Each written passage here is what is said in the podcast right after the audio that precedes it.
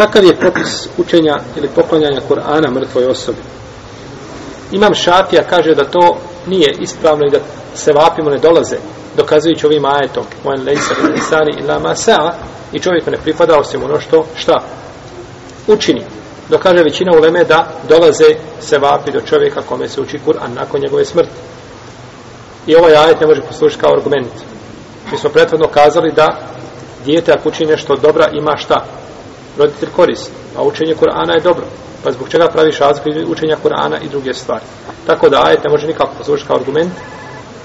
Najjači ovdje argument bi bio da kažemo da to nisu činjela prve generacije. Iako je učenje Kur'ana pohvalna stvar i da je učenje Kur'ana znači bereket i da je učenje Kur'ana znači bilo poznato kod Selefa, no međutim nisu praktikovali šta? Da se uči Kur'an, da se uči mail. To, je, to bi bio jači argument na ome mjestu. Stoga nije poslanik sa osvrame ukazao znači da se uči Kur'an mrtvome nego je nakon dženaze rekao sada tražite oprosta vašem bratu jer on je sa, šta? Sada je pitan sada je na ispitu, sada mu tražite oprosta. I dovite za sebat ili za učvršćenje, a nije rekao sada mu proučite fatihu iako je fatiha bolja od bilo kakve dove, tako. No međutim sve ima znači svoje mjesto.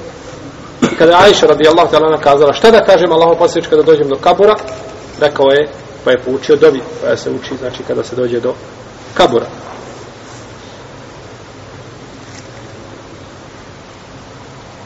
No međutim ko uči mrtvome Kur'an nije novotar. Ha. ko uči mrtvome znači Kur'an ne smatra se novotarom u smislu želeći nagradu. Sjeo da prouči babi Jasin. Ne kaže se ni u kom slučaju da je taj čovjek novotar. Ako ode na kabur da uči onda je novotar. Ali kod kuće svoje ako sjedi i uči to se ne smatra to se kaže, to se kaže slabije mišljenje ili neispravno sveže u tome, ali se ne naziva čovjek novotarom.